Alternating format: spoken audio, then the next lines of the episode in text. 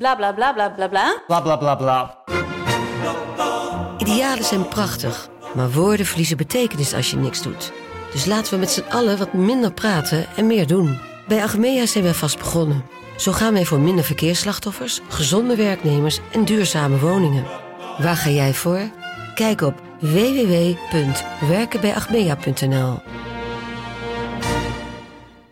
Hey, ik snap dat je je podcast wil luisteren, dus ik zal het kort houden. Want als jij het belangrijk vindt om duurzame keuzes te maken, kan ASR misschien helpen. Nou hoor ik je denken, hoe dan?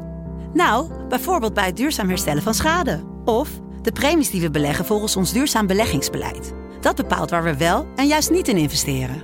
Wil je meer weten over welke duurzame keuzes ASR maakt? Ga dan naar asr.nl slash duurzame keuzes. ASR doet het. Zo, dan kan je nu lekker naar je podcast luisteren. Studio Socrates wordt mede mogelijk gemaakt door Unibed. Há muito tempo você está no meu caminho. Como posso esquecer?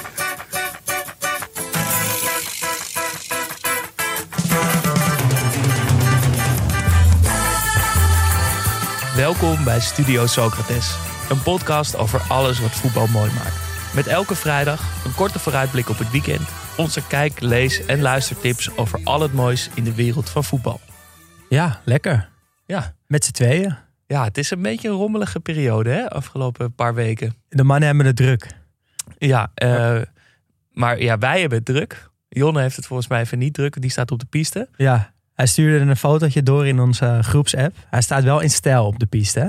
Ja, dat, het st- stak ook mooi af tegen het witte, de witte sneeuw. Ja, staat namelijk in een paarse Fiorentina outfit. kon ook niet anders eigenlijk. Ja, dus eh represent. lekker Jonne, geniet ervan. Ja, dus Jonne is er niet bij, maar dus eh, jullie moeten het doen met de twee vooruitblikken op het weekend van Daan en mij. Wat heb jij uitgekozen, Daan? Ik heb eh, gekozen voor, eh, het wordt een beetje een traditie eigenlijk, weer toetje op de zondagavond. Eh, dit keer Marseille tegen Nice. Eh, het is niet de allerbelangrijkste derby voor Marseille. Het is wel een derby natuurlijk, Zuid-Frankrijk allebei. Eh, maar het is wel een heel, hele heet gebakerde wedstrijd. Dat zag je in de heenwedstrijd, want ik weet niet of je dat nog kan herinneren. Bij Nice was dat. Dat die wedstrijd gestaakt werd, dat het publiek het veld opkwam. Dat de Payet bekogeld werd met van alles en nog wat. Dat eh Sampaoli, de trainer van Marseille, iedereen aan wilde vliegen. Dat was echt een, een heet potje. En nu, ja, nu dus de return in Marseille. Beide clubs hebben een diep gewortelde ultracultuur. Marseille met de Commandos Ultras 84 en Nice met de Populaire Sud. Ehm, ultras met een politieke ondertoon ook nog eens. Want de Commandos Ultras worden gelinkt aan de antifascistische beweging in Zuid-Frankrijk. Eh, terwijl de Populaire Sud van Nice wordt gelinkt aan extreem rechts. Dus Oeh. dat, eh, ja, dat, dat zijn echt tegenpolen van elkaar. En dat is hoe dan ook eh, ja, een cocktail voor... Ja, Escalatie. Eigenlijk wel, ja. En dat zag je dus in die heenwedstrijd ook al. Ehm, maar voetballend is het ook heel interessant. Want Marseille staat op plek 2. Nice op 3. Beide met 50 punten.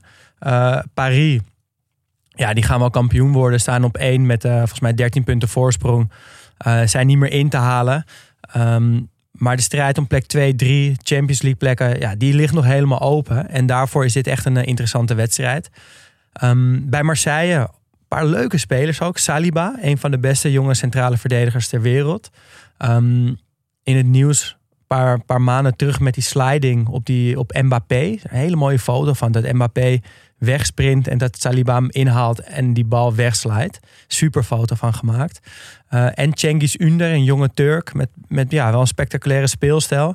Hij staat eerder bij Roma. Al acht goals gemaakt dit jaar. Dus die eh, ja, is ook zeker een speler om op te letten.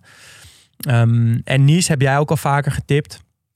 Veel Nederlanders, Rosario, Kluivert, Stengs. Waarbij Stengs weer een beetje aan het opkrabbelen is naar een moeilijke periode. Maar de beste is denk ik Amin Gouiri. Een 22-jarige aanvaller die gekocht is van Lyon. Ehm, dus dat zijn spelers om op te letten.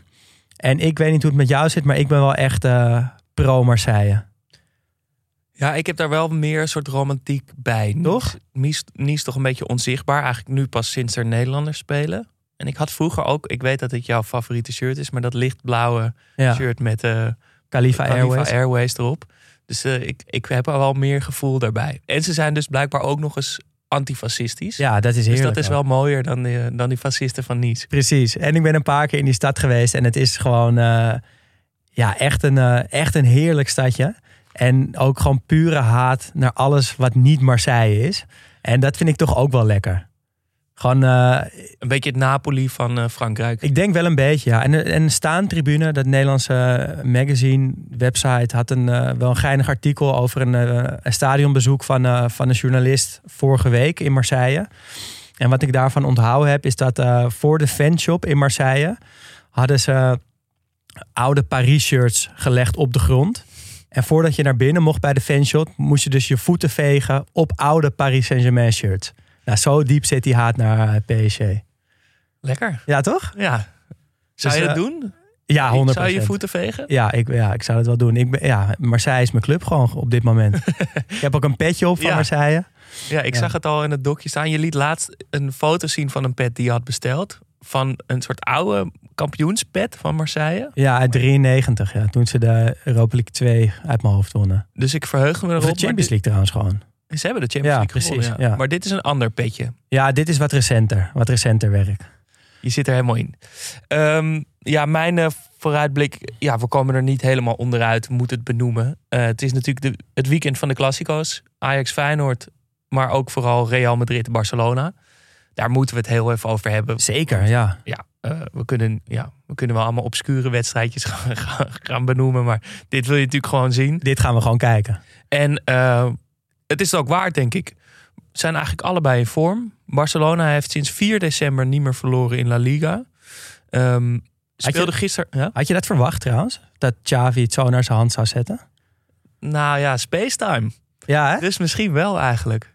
Ja, luister onze, onze aflevering over inzichten terug. En je hoort onze fascinatie en eh, adoratie voor Xabi.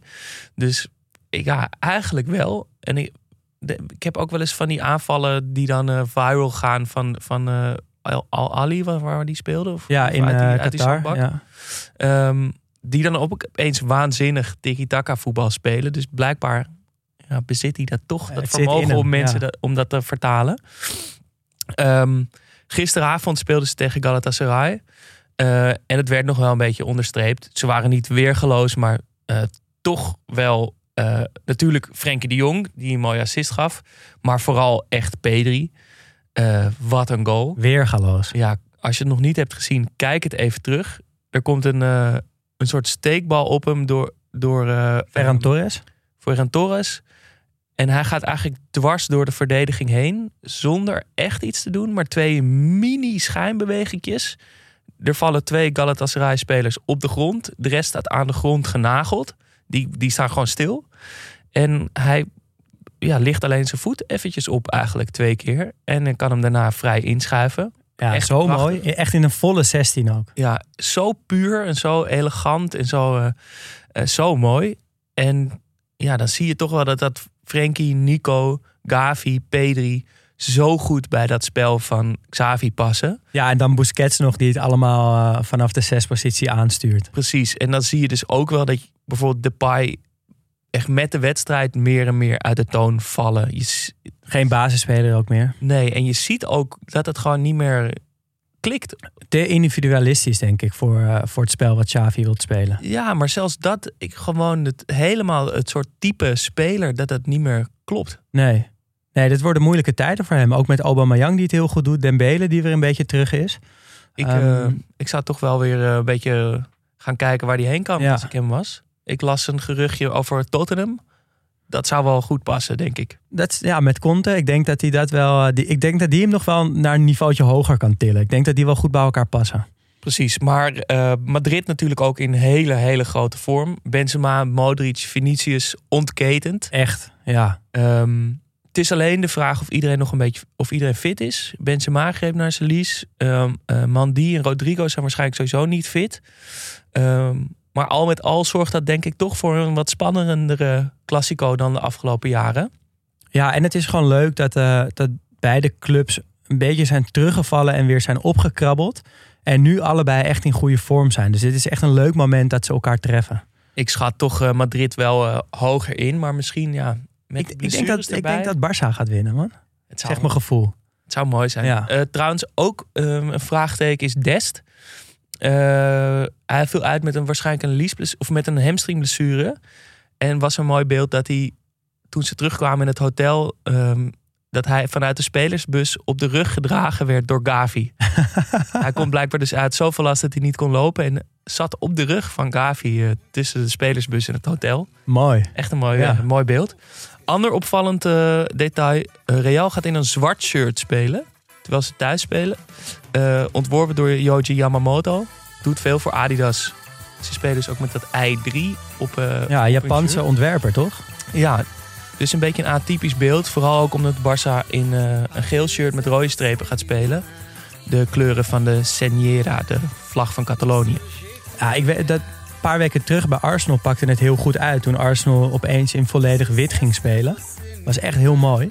En Madrid in volledig zwart, ik moet er even aan wennen. Maar als het ontworpen is door uh, Yoyo Yamamoto, dan, eh, ja, dan kan het alleen maar goed zijn, denk ik.